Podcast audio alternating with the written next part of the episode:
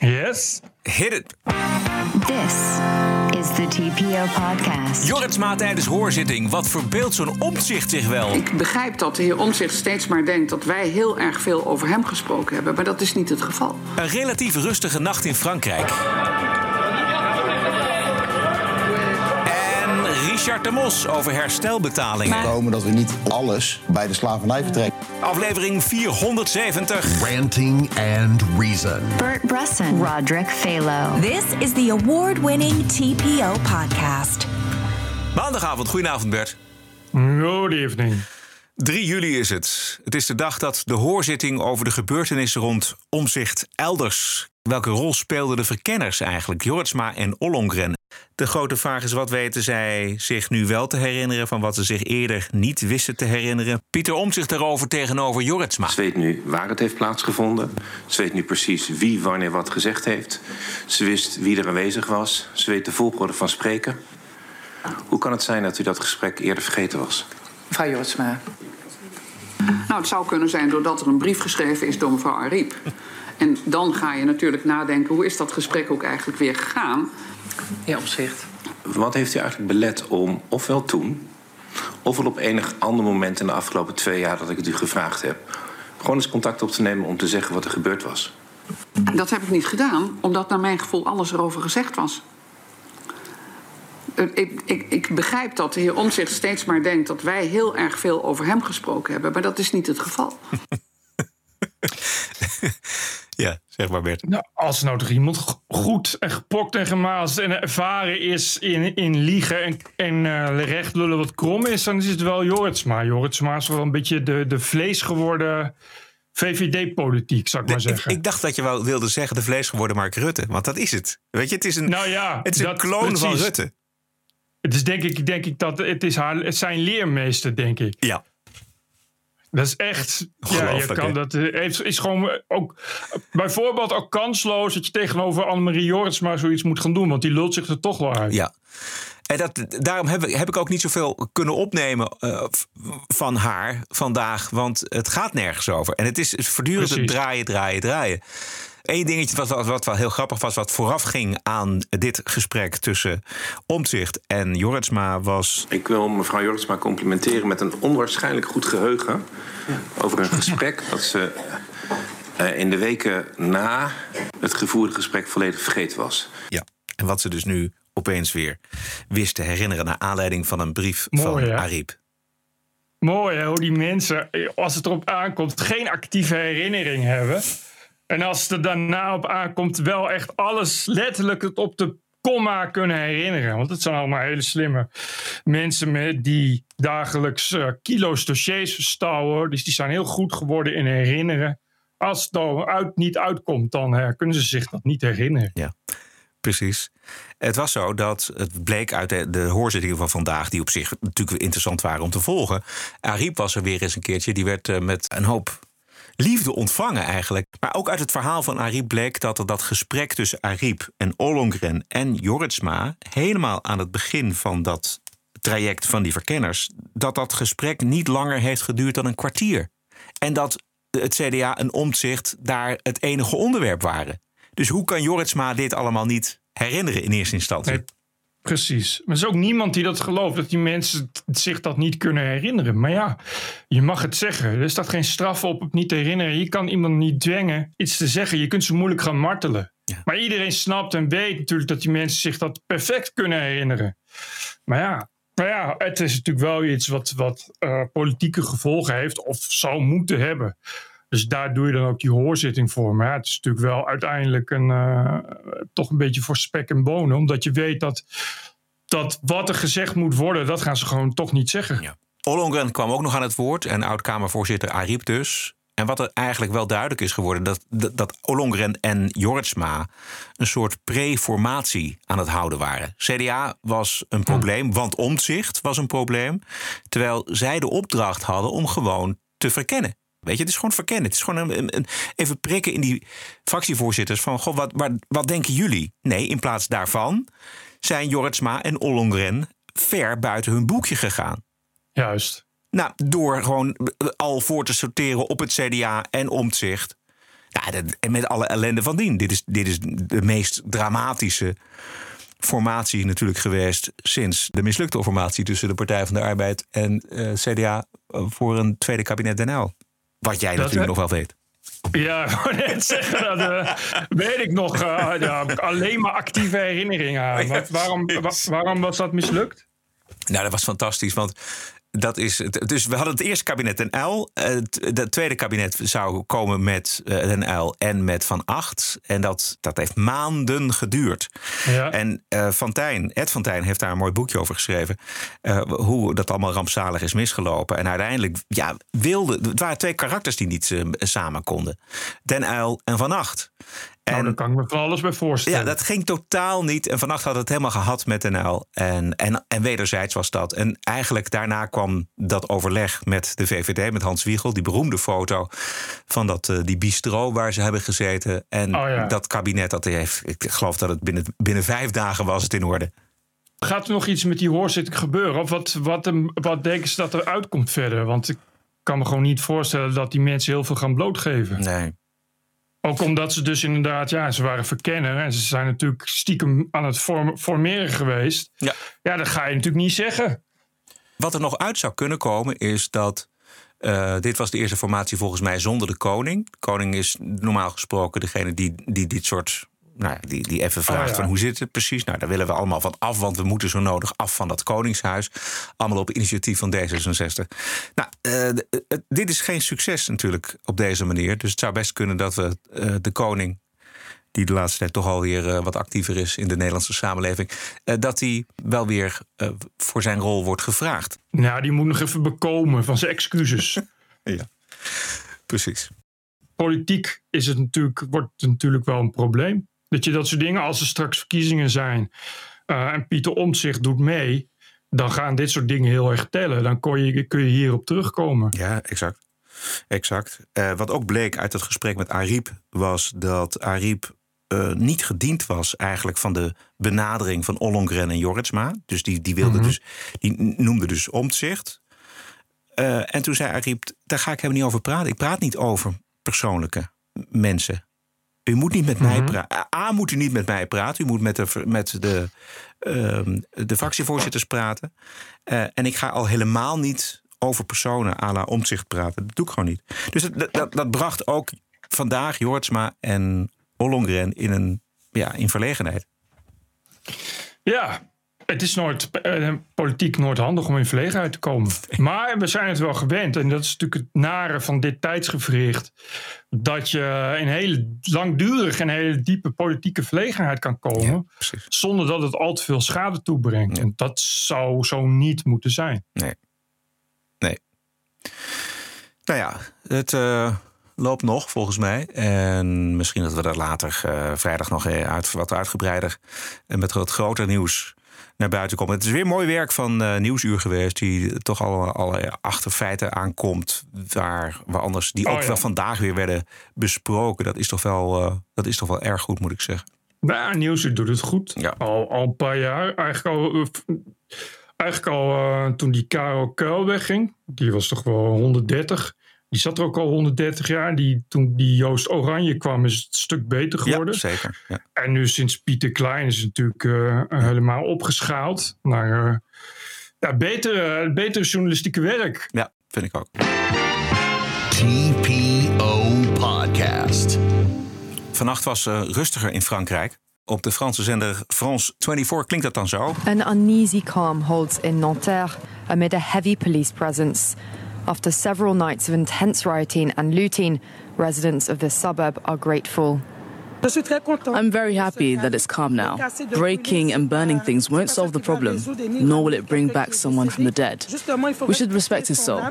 Ja, maar 78 arrestaties. President Macron die heeft overlegd met alle fractievoorzitters in het parlement en met 200 burgemeesters van gemeenten waar het zo ongelooflijk uit de hand gelopen is.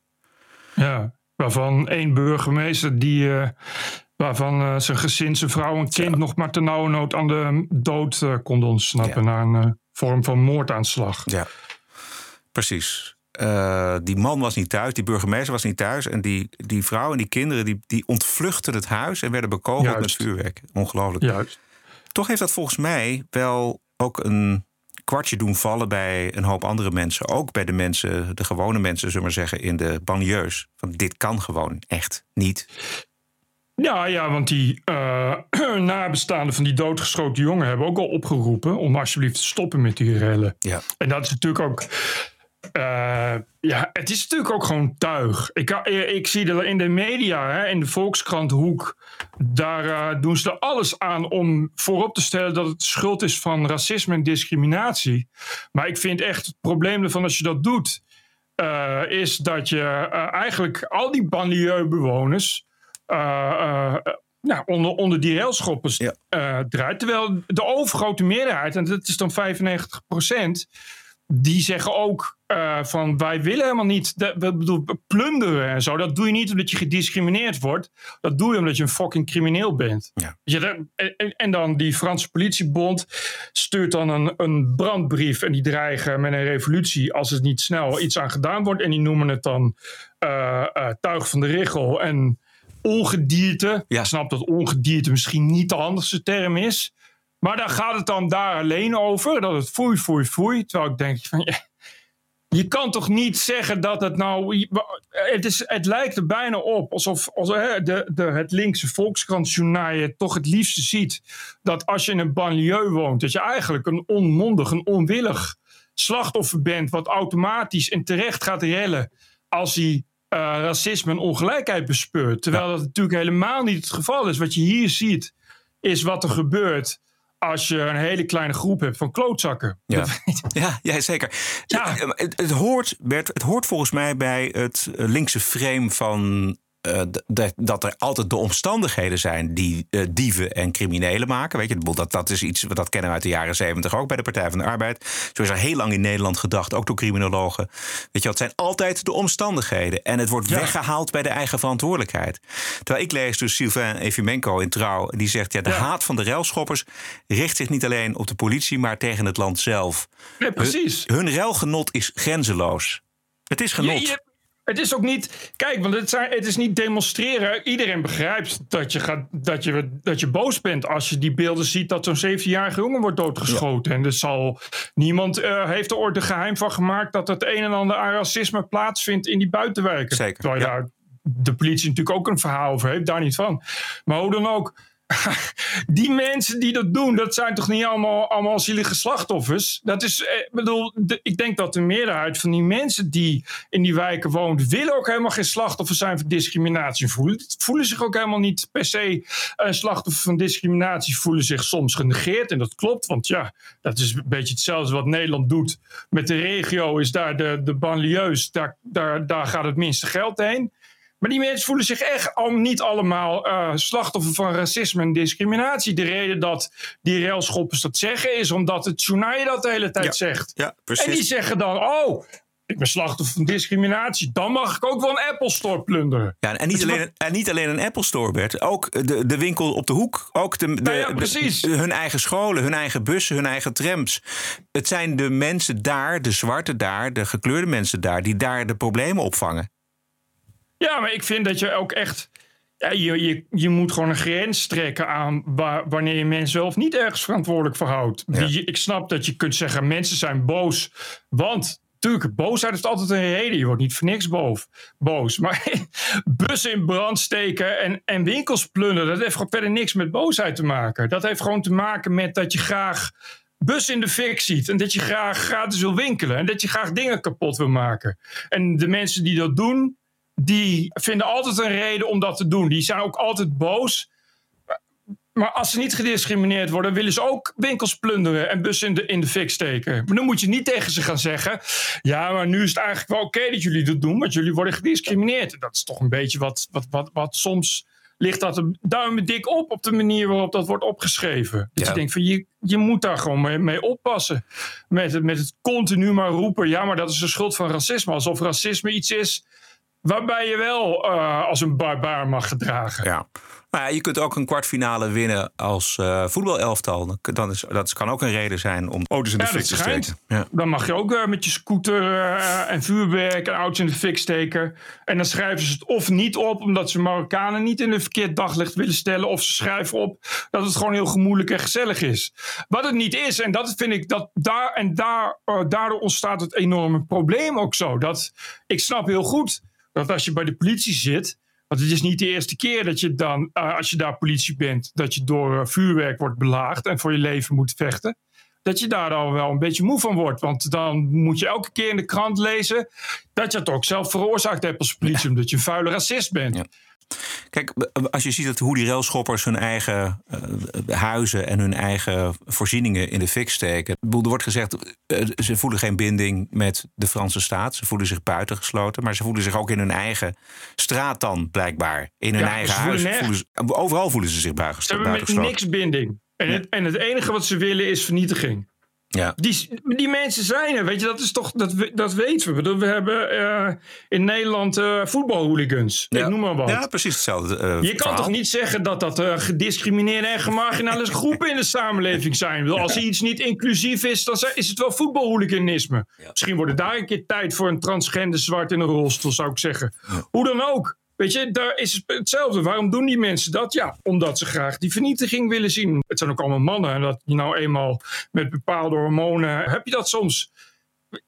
Maar dan zeg je toch ook niet. Oh ja, maar dat begrijpen we wel. We begrijpen wel dat die voetbalhooligans uh, kroegen, helemaal kapot slaan. En andere, aan andere voetbalfans doodsteken. Want ja, die worden zo gediscrimineerd. Dan zeg je ook, ja, maar dat is tuig. Dan kan de ME niet hard genoeg optreden. Waarom hier niet? Ja. Weet je, als, dat, dat zijn toch geen uitzonderingen? Je hebt mensen die doen mee in de samenleving. En die kunnen zich beheersen. En je hebt een groep in de samenleving die kan zich wel beheersen. En die wil dat niet.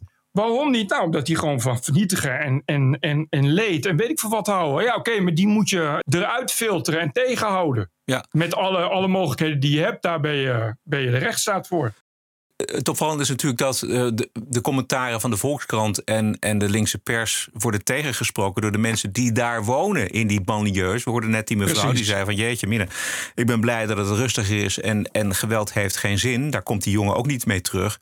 En die oma van die jongen inderdaad, wat jij al zei, uh, die heeft dus ook geroepen om dat geweld te stoppen. En zij veroordeelde de railschoppers omdat zij haar, haar kleinzoon misbruiken als excuus om over te gaan tot geweld. Precies. Bovendien, waar ik met meestal stoor, is, is de veralgemenisering. Ja.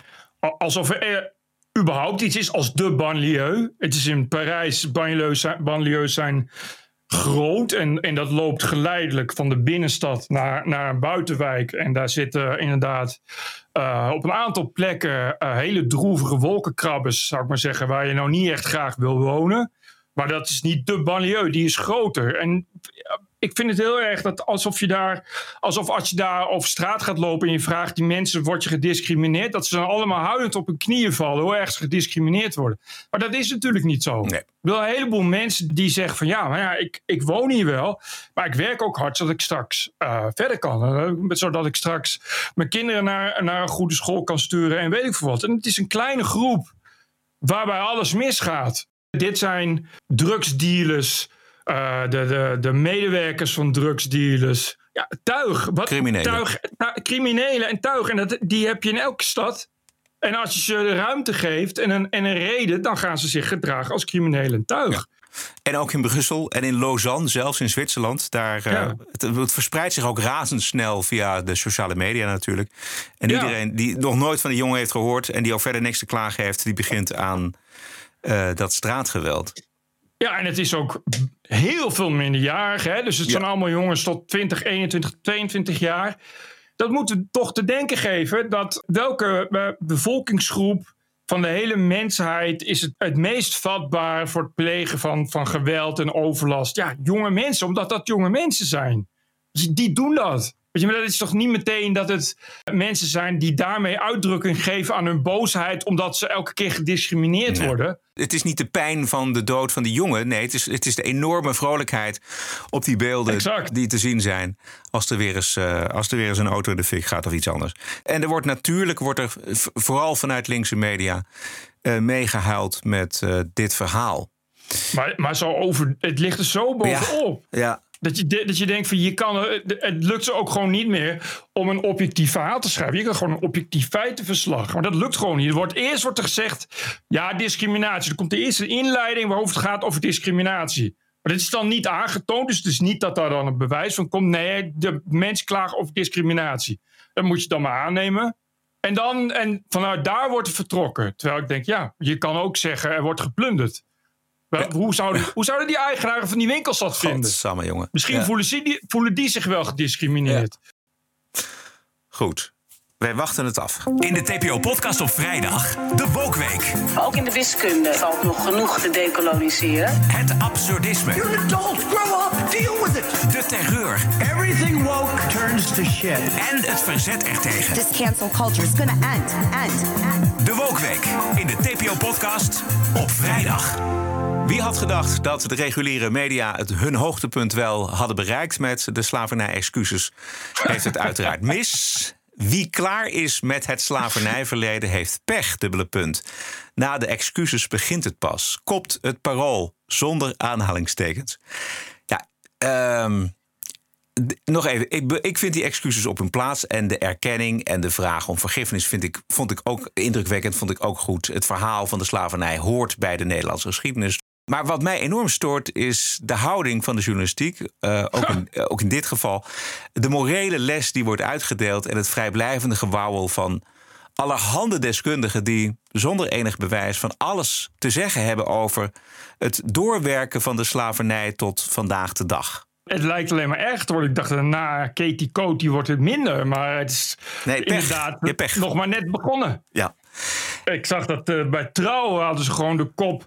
Hoe moeten herstelbetalingen eruit zien? Meteen even doorpakken, want we hebben nu de excuses. Daar eh, hadden ze eh, iemand gevraagd die doodleuk... eh, mocht lo- kritiekloos mocht lo- leeglopen en doodleuk... door de overijverige trouwverslaggevers liep, liet optekenen... dat witte mensen inmiddels het in hun genen hebben... om zich slecht te gedragen tegenover zwarte mensen. En dat soort, ja, noem het maar gewoon wappie lulkoek. Nog één andere disclaimer voor misverstanden te voorkomen. De grote trauma's binnen families die kunnen lang doorwerken. Dat is zo. Maar dat verschilt van mens tot mens. En niet genetisch. En dat is zeker niet genetisch. Algemene uitspraken slaan de plank wat dit betreft gewoon mis. Eh, maar wat lezen we bijvoorbeeld in dat stuk in het Parool ook weer? Eh, daar is dan, wordt een hoogleraar humanistiek eh, aan het woord gelaten. En zij zegt: In zoiets als de toeslagenaffaire zijn het vooral mensen met een niet-westerse achtergrond. die met behulp van algoritmes in de problemen worden gebracht. In deze affaire werkt het koloniale verleden door. Wat pertinente onzin is, omdat het. A ging het helemaal niet om een niet-westerse achtergrond, maar het ging om buitenlandse namen, omdat de toeslagenaffaire Juist. voortkwam uit de fraude met toeslagen door Bulgaren, om maar een zijstraat Juist. te noemen. En andere mensen met een niet-Nederlandse achternaam. En dat heeft helemaal niks met het koloniale verleden te maken. Dan moet je wel zeggen van ja, hoe bedoel je dat dan? Ja. Eh, Of inderdaad dit voorleggen. Oh, volgens ons is het zo dat het eh, gewoon te maken heeft om, om, omdat het eh, vooral Bulgaren ooit waren die met toeslagen fraudeerden en dat het daarom op die manier het algoritme is ingevoerd. Hoe Ja. komt u daarbij? Ja. Op het moment dat je met eh, genen gaat werken en als je dat soort, dat soort dingen oplegt aan alle blanke mensen en hun genen, dat gaat toch verdacht veel denken aan eugenetica. Van die dingen die, die toch eigenlijk liet, liever wild al pak een beet 80 jaar lang. Precies. Dus ik begrijp niet helemaal waarom Trouw zich daar zo makkelijk van afmaakt. Meneer Hilter heeft daar een heel boek over geschreven. Nou, precies. Eh, en, en ik snap dat je, zeker als trouw, eh, heel graag wilt dat eh, allerlei types die zich intens bezighouden met het slavernijverleden, allerlei emotionele verhalen opdissen. Maar dit gaat toch best wel een grens over als je mensen zonder we- weder, of we- weerspraak ja, laat vertellen dat mensen genetisch ja, slecht zijn vanwege hun huidskleur. Onvoorstelbaar, jongen. Onvoorstelbaar. Onversneden racisme is dat. Ja, natuurlijk is dat racisme. Ja. Even een fragment uit het tv-programma Op 1 van afgelopen vrijdag. Uh, daar horen we Tweede Kamerlid Don Seder en Richard de Mos. En als ik kijk naar de doorwerking, nou, je noemt het onderwijs, maar arbeidsmarkt, woningmarkt. We hebben vorige week een situatie gehad met Duo. Je hebt de toeslagen verder gehad. Ik heb het over de Koninkrijk Ja. gehad. Ik heb het over de situatie in gewoon Suriname concrete gehad. actie? Richard de Mos, wat Nou, vindt u ik wil hiervan? een beetje voorzichtig zijn met die, met die komma. Kijk, het moet natuurlijk niet, die excuses zijn volledig eh, eh, terecht. Eh, want er is een verschrikkelijk verleden. En daar heeft Nederland een hele dikke zwarte bladzijde. Maar ik vind, nu wordt de vergelijking getrokken met het, met het onderwijs. Ja, die zie ik dan, dan niet. Hier heeft in dit land iedereen gelijke rechten en gelijke kansen. Dan Nou, wat u zegt klopt niet. Er zijn genoeg Nou, ook onderzoeken die het tegendeel bewijzen. Ja, dat maar het we wel moeten, niet, degelijk we moeten uitmaakt. voorkomen dat we niet, om ook polarisatie tegen te gaan, dat we niet alles eh, eh, bij de slavernij vertrekken. Nee, zeker. Maar ik wil wel even corrigeren dat wat u hier zegt feitelijk onjuist Nou, is. dat er zijn genoeg rapporten die aanwijzen. Het onderwijs erbij. En ieder kind heeft in Nederland eh, recht op onderwijs. Maar En zaken benoemen is niet polariseren. Hè? Zaken benoemen en verschil kenbaar maken, dat is natuurlijk niet polariseren. En inderdaad, er zijn legio onderzoeken waaruit blijkt dat er sprake is van stage discriminatie. Ja, de, de mos wordt dus gemangeld tussen de gasten en het presentatieduo van BNN Vara. Alweer? Eh, BNN-Vara was gestopt met op één of eh, is dat nog niet van kracht? Nee, dat duurt nog eventjes tot 1 augustus volgens mij. Dan houden ze het mee op. Oh, want het is wel heel hinderlijk, inderdaad, dit soort, dit soort presentators. Dat is het is gewoon een soort, ver- ver- een soort half activisme eh, wat, Ja. wat zich daar eh, Ja, ze moesten echt. afspeelt. Ze- Een van die presentatrices, die moesten ook echt eh, dit eventjes melden. Ik, bedoel, ik, ik zie Jeroen Pauw dat niet doen. Oh, hè? Eh, Nee, die zeker niet. Die blijft gewoon die, eh, gastheer en die, en die kijkt dus rond wie erop wil reageren. Maar zij, zij voelde zich, want ze, überhaupt het feit dat Richard de Mos in tweede instantie toch nog mocht aanschuiven. Want, Ik wou net zeggen, Ja. net zeggen dat is al heel wat, geloof ik. Dus daar wilde BNN Varen eventjes vanaf van dat stigma dat ze Richard de Mos nooit uitnodigen. Maar het, het, het mocht dus allemaal wel. Maar wel het vuur aan de schenen leggen. Als enige. Nou, wat de Mos zegt klopt natuurlijk wel een beetje. Eh, ik, ik ken die onderzoeken niet en ik vind als er onderzoeken zijn, dan moet je die zeker noemen. Maar wat je ziet bij die onderzoeken is dat het vaak eh, wel meteen lange halen snel thuis is. En dat er nog wel eens wat nuance in ontbreekt. Al helemaal in hoe journalisten dat overnemen en in de presentatie daarvan. Nog eventjes over die journalistiek. Twitteraar, denk je wel, Joris Lohman... die eh, trekt dat pathetische eh, gevingerwapper van het journaal ook niet. Hij schrijft, neem dan verdomme kinderen als je zo graag wil opvoeden. Ja, Ja. Ah, dit, dit klopt. Het is, het is heel erg. Ik, ik zag vandaag bij eh, Omroep West. hadden ze een influencer ingehuurd. die op een Twitterfilmpje ging uitleggen. waarom sommige daders van verkeersovertredingen zo laag gestraft worden. Het was vooral gedacht vanuit dat het oké is dat mensen laag worden gestraft. en dat je daar niet zo over Oh, moet zeuren. jezus, het was heel bizar. Of, het was, nee, sorry. sorry eh, Omroep, Omroep West had ook een artikel, maar dat was iets genuanceerder. Eh, en geen andere deskundige, maar Omroep eh, Rijnmond, dat heet tegenwoordig Rijnmond, de zender van Rotterdam en omstreken, was echt bijna een soort, eh, ja, een soort. Ik had echt het idee dat ze ingehuurd waren door het ministerie van Justitie om eh, alle boze burgers nog eens uit te leggen. Het is een beetje hetzelfde als nu met dat alcoholverbod. Dat je nu eh, overal eh, in kranten, maar ook op Radio 1... eh, verhalen hoort van, van mensen die, die mogen vertellen hoe slecht alcohol is. Vreselijk. Als ter ondersteuning van het beleid van de staatssecretaris. Maar, maar dat, je denkt ook echt de hele tijd. Het lijkt toch gewoon heel erg op. eh, dat die omroepen, daar, eh, laten we zeggen Radio 1. eh, en, en, en dat soort regio-omroepen. dat die de hele tijd als een soort. Ja, verlengstuk van, van het ministerie fungeren. Ja, ja, postbus 51. Terwijl ik denk dan. Als het nou toch gaat over te laag of te hoge straffen, dan ligt er toch een gouden kans om daar hele kritische vragen over te stellen. Ja, precies. Misschien toch wel aardig om even te zeggen dat het heel goed gaat met de podcasts in Nederland. Want ik las een onderzoek en daaruit blijkt dat al de helft van de Nederlanders naar dit medium luistert. En deze eh, worden voornamelijk beluisterd tijdens het reizen, 78%, thuis en tijdens het wandelen. En, er Oh ja, zijn, klopt. en eh, ze zijn vooral po- populair bij hoger opgeleide jongeren tot 34 jaar en studenten. Ja, klopt. En het is ook opmerkelijk dat eh, zoveel luisteraars aangeven dat ze verwachten dat ze in de toekomst nog meer gaan luisteren. Dus niet minder, maar gewoon meer. Eh, Ja. en dat is hartstikke mooi. Die trend is al jaren opwaarts. In Nederland uh, wel iets lager dan in andere landen. Spanje bijvoorbeeld uh, heeft een veel groter podcastpubliek, ook oh ja? al een paar jaar. Nederland is heel erg merktrouw. En dat heeft dus ook te maken met dat Nederland een relatief goede publieke omroep heeft. Dus iedereen de, die daar al, uh, zeg maar boven de 50 die daar zit, blijft daar zitten. Dat zie je in andere landen, uh, zie je dat veel minder. Maar het is wel iets wat uh, de komende jaren natuurlijk veel meer gaat spelen. Ja, we zitten echt in een groeimarkt. Wij hebben geen grote adverteerders achter ons of een groot mediabedrijf als Mediahuis of de persgroep of RTL Nederland. Wij doen alles zelf voor twee afleveringen per week op de dinsdag en op de vrijdag. En de vrijdagaflevering is beschikbaar als abonnement. Kost maar 4 euro per maand en daarmee ondersteun je ons. En dat hebben we hard nodig. Ga naar tpopodcast.nl. Heel veel dank daarvoor. Zeker ook als je dit te kort vond, dan moet je vooral op vrijdag luisteren, want dan is die veel langer. Juist. Extra lange afleveringen op vrijdag. tpopodcast.nl, daar wijst de weg zich vanzelf. Want dat hebben we nodig. En we hebben het verdiend. Stay cool! Tot vrijdag. TPO Podcast. Bert Bruson, Roderick Balo, Ranting and Reason. Melden! Podcasting is the TPO podcast in the Netherlands. Bert and Roderick. What a show. I'm telling you.